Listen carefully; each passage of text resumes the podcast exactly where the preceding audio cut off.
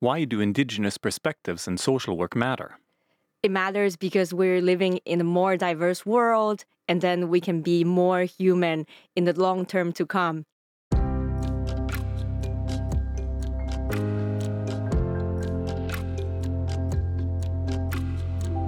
Welcome to the podcast Forskarsamtal or Researcher Dialogues. It's broadcasted from Studio Sossakom, which is located at the Swedish School of Social Science. My name is Tobias Pötzsch. I'm a university lecturer in social work and uh, also in, in sort of critical social work theory, anti oppressive and anti racist social work. So, our topic today is quite close to my heart. And my guest is Wasiq Silan. She works as a postdoctoral researcher at Helsinki University's Collegium for Advanced Studies.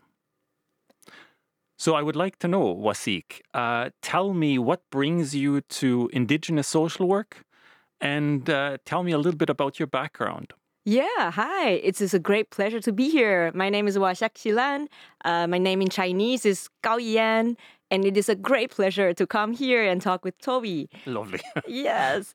And um, so, just to be very honest, in the beginning, I didn't start as a social worker, although I have a very high passion in the discipline of social work. But in the beginning, my journey really started as uh, policy making and political science, and how does policy um, create an environment where we can all live together and it really comes back to my own background. So I'm going to tell you a little bit of my background so you know where I'm coming from. Because I think positionality matters in your own research, in your everyday work, and also how you see the surrounding world in terms of how um, you can create in terms of social work or journalism and everything that's around it. So when I was born, I was given a name Chen Yan. Chen is a family name that in Chinese language we put it in the in the beginning, and Yan means easygoing and safe. So it's basically a Chinese name that's given from my father's father, so my paternal grandfather, who came to Taiwan in the in the army during the communist and national civil war between Taiwan and China. So it was a time where we had a martial law, and he think that well, you cannot be anything different. You have to be a mainstream society member and you need to learn Chinese language and be a Chinese person. So I grew up thinking, not really thinking about my identity really matters. And then, so along the time, then I slowly uh, being awakened, realizing like, oh, actually, my grandmother has always been speaking this different language, this indigenous language that I have no idea about. But it's kind of always kind of under table. She will speak it with her her her cousins, her families, but never to her own children. So not to my dad, not to my uncles, and not to us. So over the time that the it was actually during the time I was doing doctoral degree here in Helsinki that I realized that this indigenous identity really matters to me because it shapes how my research, um, how I ask questions, and in terms of social work, I realized after talking with my grandmother, I come to realize that the more social work service and help she and the community receive, the more helplessness that they feel because they feel that they don't have solutions to their own societal problems. And it was until that point and I realized that well, social workers are really trying to help, but then how come it kind of translate and the translation kind of miss in between? And that's why I wanted to come in where I'm coming from. Sounds really interesting because I know a little bit about uh, what you're speaking about. I, I grew up in Canada, quite close to uh, native peoples, indigenous peoples' reservations, and there were also these uh, quite a few sort of prejudices, and, and also they were quite quite marginalized, and and and and there also seemed to be that despite some kind of goodwill on the on the uh, on the government side, that somehow the two never met, the two perspectives never met, mm-hmm, and mm-hmm. I think that's changing recently, but it's something that also that that is uh, is is especially for social workers, uh, important. How does one make that connection between also majority populations yeah. and minorities?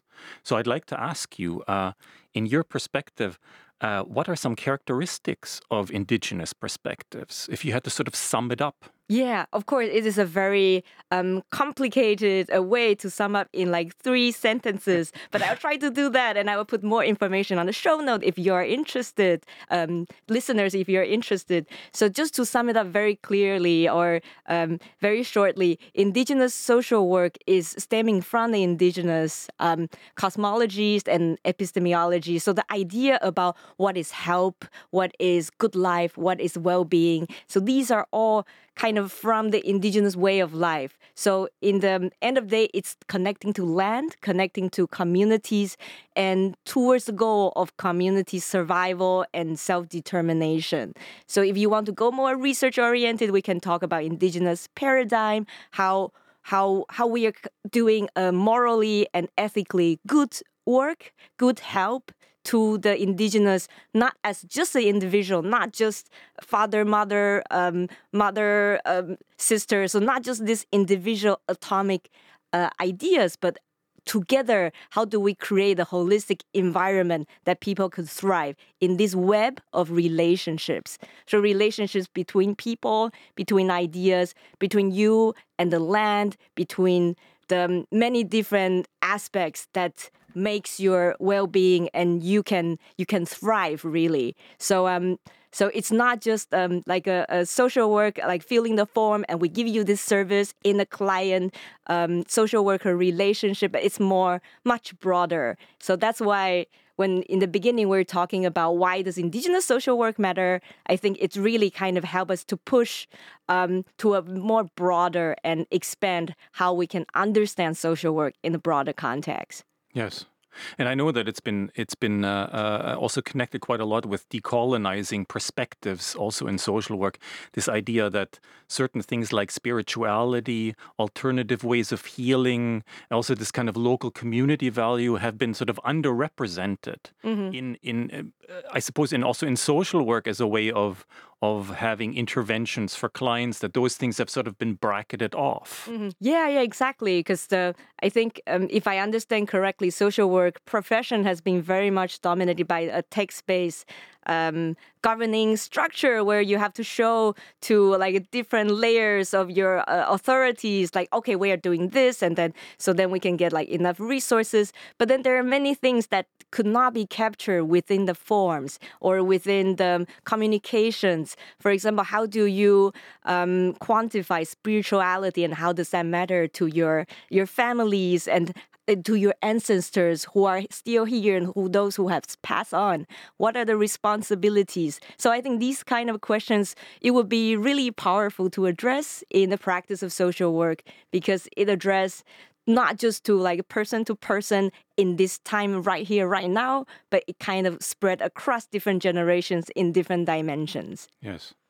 And i i was sort of wondering i know you're doing research with uh, uh, often older people or, or uh, sort of elders in the community, indigenous community. Can you talk a little bit about what you've been doing? Yeah, absolutely. So I have been uh, doing research in, in Taiwan in this Tayal um, community center where I followed my grandmother to this community center where they try to promote a indigenous uh, sensitive uh, culture cultural sensitive center that where they offer like programs and then like doing these um, um, programs like uh, once a day like uh, on the weekdays. So over there, I try. I slowly I learned that what does really well-being mean to them, although that they don't tell you directly what is indigenous way of life, but then through observing what they are doing, I kind of learn along the side what what what does that really mean. So then I have uh, come up with a paper. If you're interested, I can also put in the show notes, which um, it really addressed that for the indigenous um,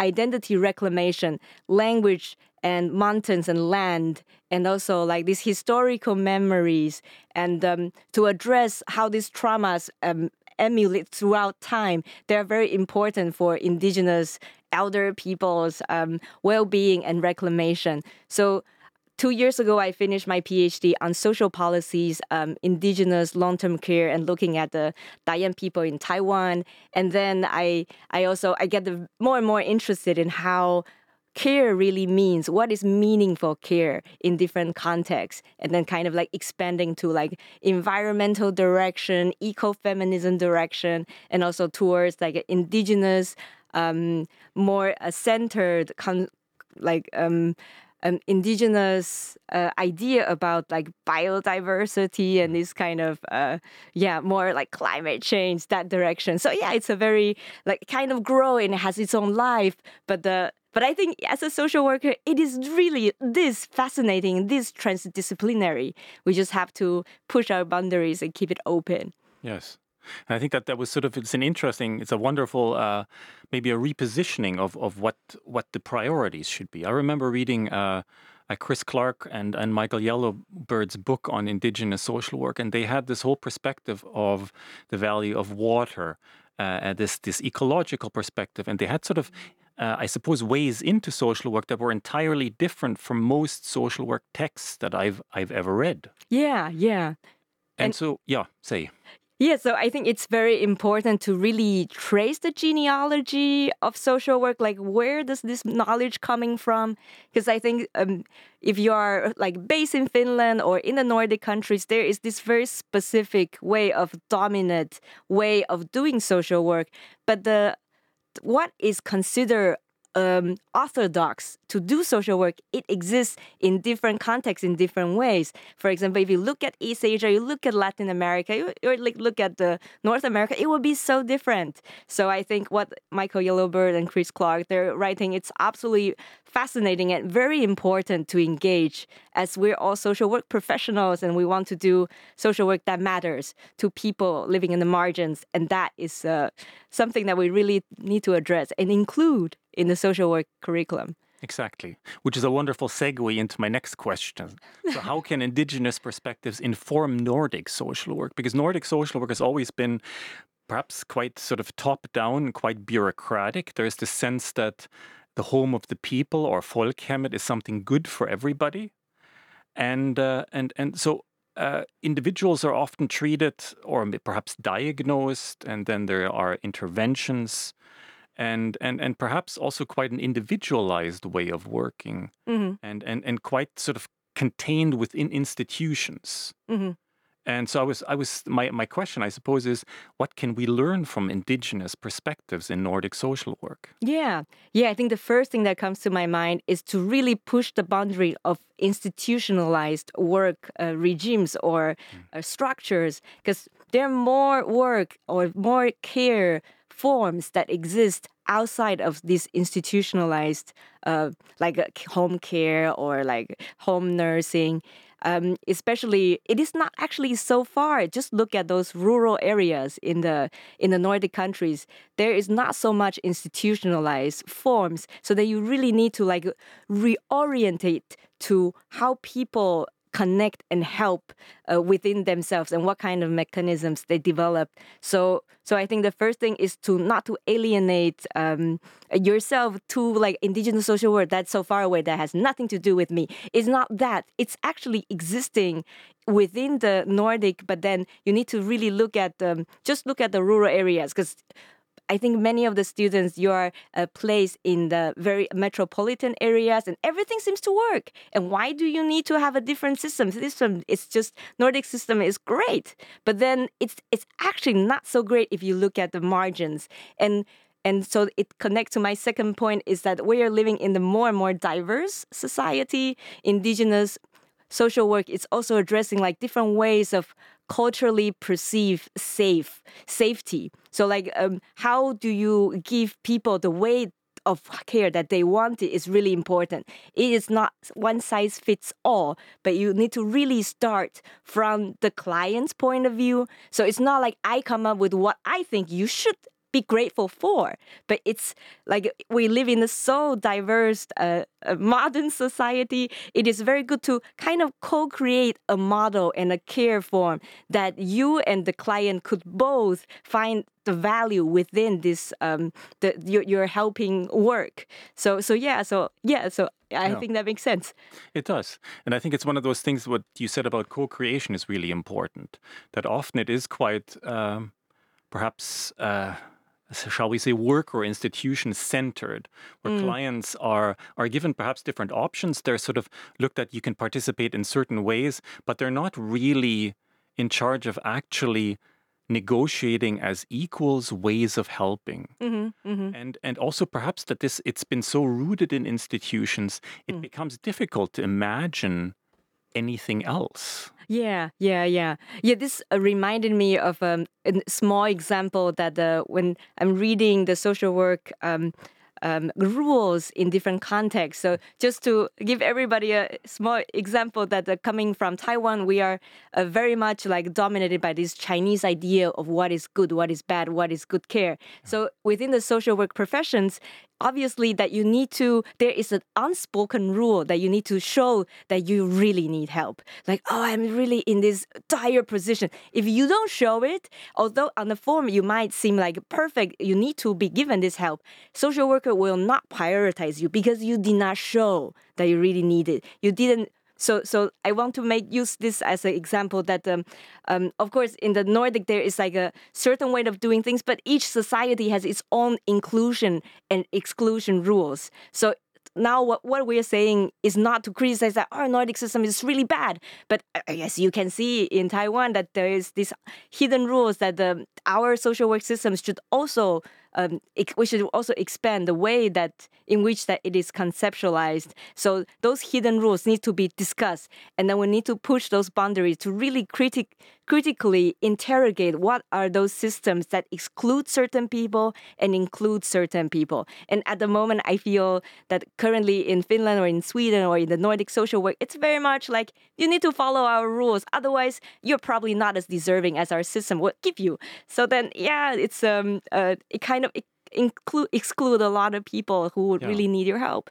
And I think sometimes there is sort of awareness that there's quite a high threshold to go see a social worker. And I remember looking uh, or seeing this. Uh, I was involved in a in a presentation, or I was involved. I was listening uh, to a university project where they had tried to somehow lessen this this threshold because they realized, okay, people are kind of nervous when they go to see social workers, and so their it come to institutions. So their uh, solution was to have. Uh, a picture of social worker up on the door. Oh gosh.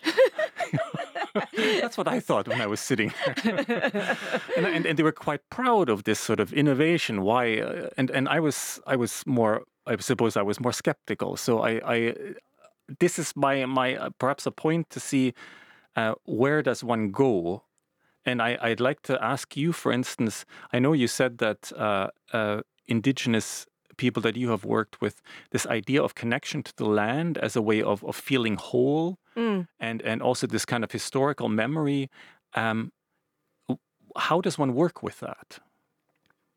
Yeah, how does it how does it really translate to, to the everyday work of social worker? Yeah, that yeah, what you mean? exactly. Yeah, Mm, yeah. So I think to really start from it is a very complicated and very Mm. big project, and I don't want to put this as like a very big burden on individual social workers. So it should definitely start from the system, from the structure where we how do we really like uh, social work education and pedagogy, and this has to address first. And the second thing is that the idea of co-creation is very important. What we talked about. So social worker comes in. It's not just to give you what you they need, but it's more about how we work out a methodology and way that we can go forward together. So we don't come here and then say that you're a high risk family or we need to take your children from you because you're irresponsible. But it's more about figuring out a criteria indicator if you want to do it or to really think about like broader context about like historical responsibilities of you from the mainstream society and also others who are kind of carrying this burden of um, being stigmatized, having stigmatized identities, and how do they live, and how does that uh, um, becomes worse and worse over the generations. So, so I think like the critical reflection is very important. Social work education is very important, and also being uh, connected to a like global dialogue, like going to Toby's class and listening to Kris Clarke, and like just to to remain open, to think outside the box, not just like sitting in the office and people will come to you and you give them the resource. So it's really to transform that relationship. Yeah. So it's a really good point because we were also talking about perhaps the lack of these kinds of things in the education. And I remember talking to my uh, supervisor when I finished my PhD, and he said that he's tired of reading doctoral research where social workers interview other social workers. Yeah. And and where where you where you it's it becomes quite myopic. It becomes uh, uh, almost I can't say incestuous, but it's something like this Mm-hmm. that you very rarely look beyond institutional structures, hmm and uh, and I suppose that brings us to. Uh, to perhaps one of the last questions, and I think we've talked quite a bit about this, but in a way, um, how can we which how can we include indigenous perspectives indigenous people's perspectives in social work today uh, because there's been this kind of uh, if one has spiritual problems, it's it's the it's the uh, uh, uh, the domain of the spiritual advisor. If you have health problems, it's the doctor. If you have uh, then more sort of social welfare or or or resource problems, that's the social worker. hmm And and I've understood that in in in indigenous works, these the boundaries are much much more fluid between these different levels. hmm Yeah, yeah. It's um it's a very important and very big questions. It is. But yes. So I have one one minute to finish this. No, actually, you have you have a bit more time. Okay.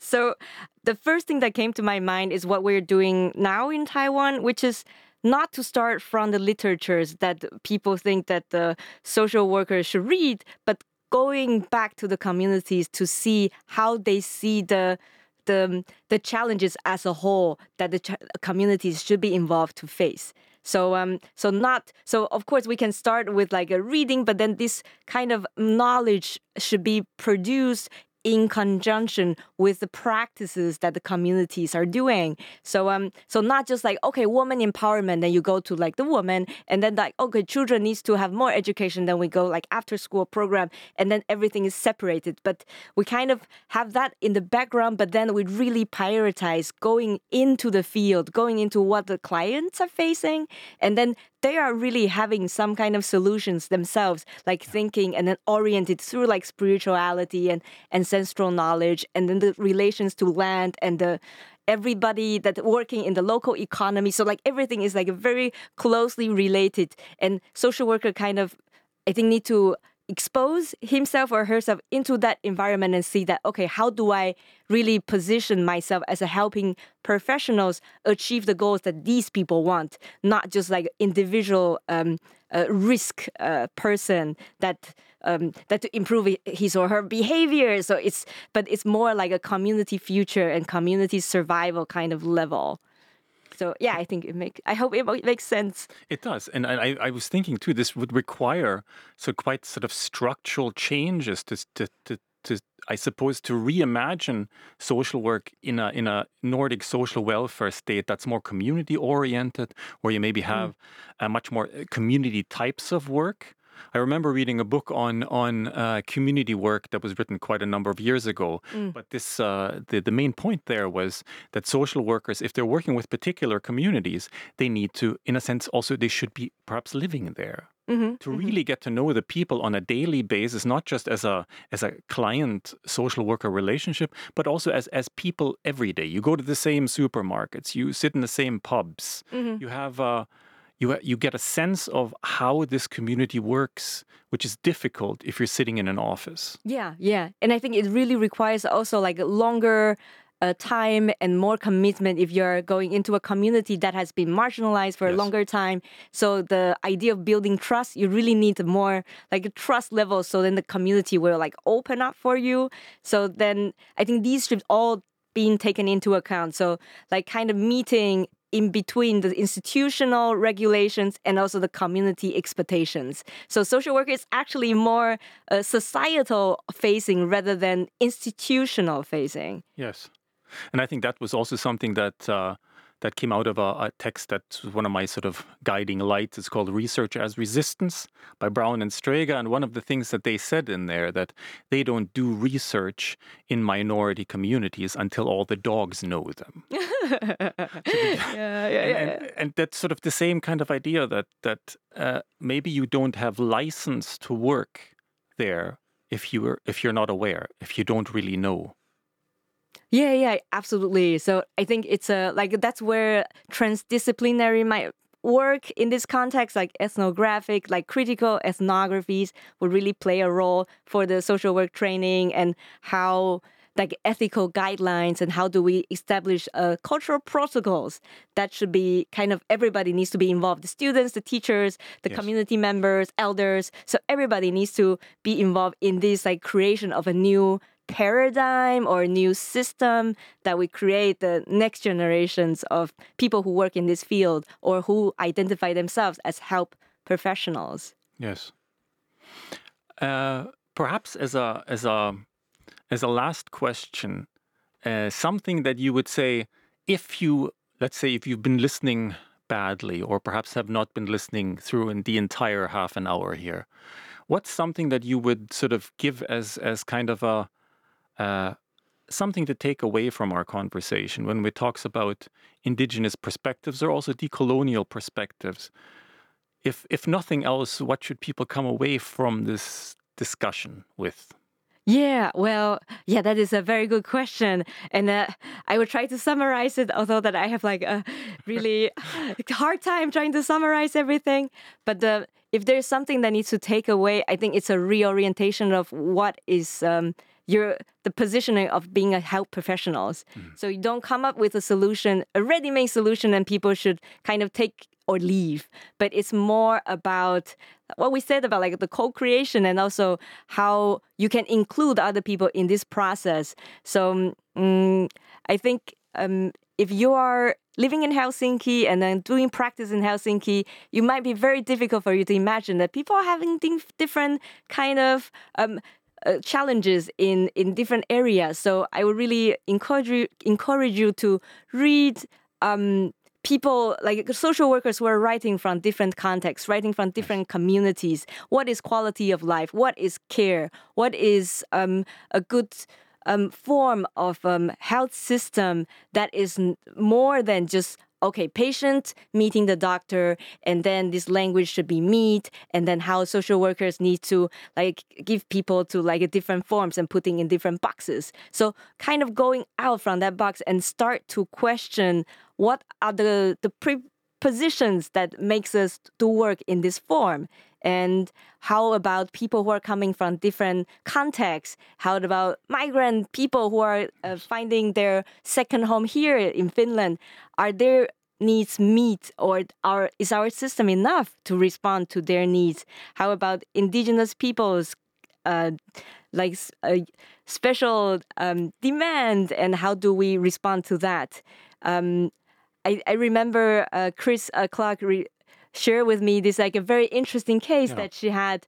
Uh, she met uh, this indigenous Sami social worker who, instead of like meeting the clients in the offices, she brought all these men who are like really trying to overcome this alcohol um, uh, problem like to a land that actually means something to them and kind of like just talk about what they're facing and their stories over um, a, a bonfire and then they're having coffee there and it kind of evokes so much uh, memories from the the history. So it's not about you need to cut down your alcohol level because it's bad for your health but it's more about your responsibility of being here as a, a guardian as a custodian to this land. If you continue to drink what happens to to these trees to this lake to your children? So it kind of evoke a different level of responsibility and i think as a social worker it is possible to give more profound level of um, reflections to people if only if you can uh, get out of the comfort zone and try Yes. Thank you very much. Thank you for uh, a, a really interesting and enriching conversation. And I think it's a, a sort of a conversation about indigenous perspectives, which I hope will take uh, will take off also in social work much more, even in in in Western uh, bureaucratic Nordic social work. Thank you. Thank you so much, and I hope it's a it's a privilege to be here, and I hope this is like a beginning of a long conversation and discussion that we can have. And if there's any questions, please contact me and check the the information in the show notes. And uh, I'm going to have a course next semester on Asian and Korean indigenous communities uh, together with Faculty of Arts under uh, Asian Studies. So if you're interested, we can meet there and talk more. And but I'm also looking forward to have more dialogue with Toby and the researchers in CEREN, yes. where we are talking more about the disobedient knowledge, anti-racism, that how the social work could fit in here. That would be very much uh, important too. Yes. Thanks a lot. Thank you so much. Have a great day. You too.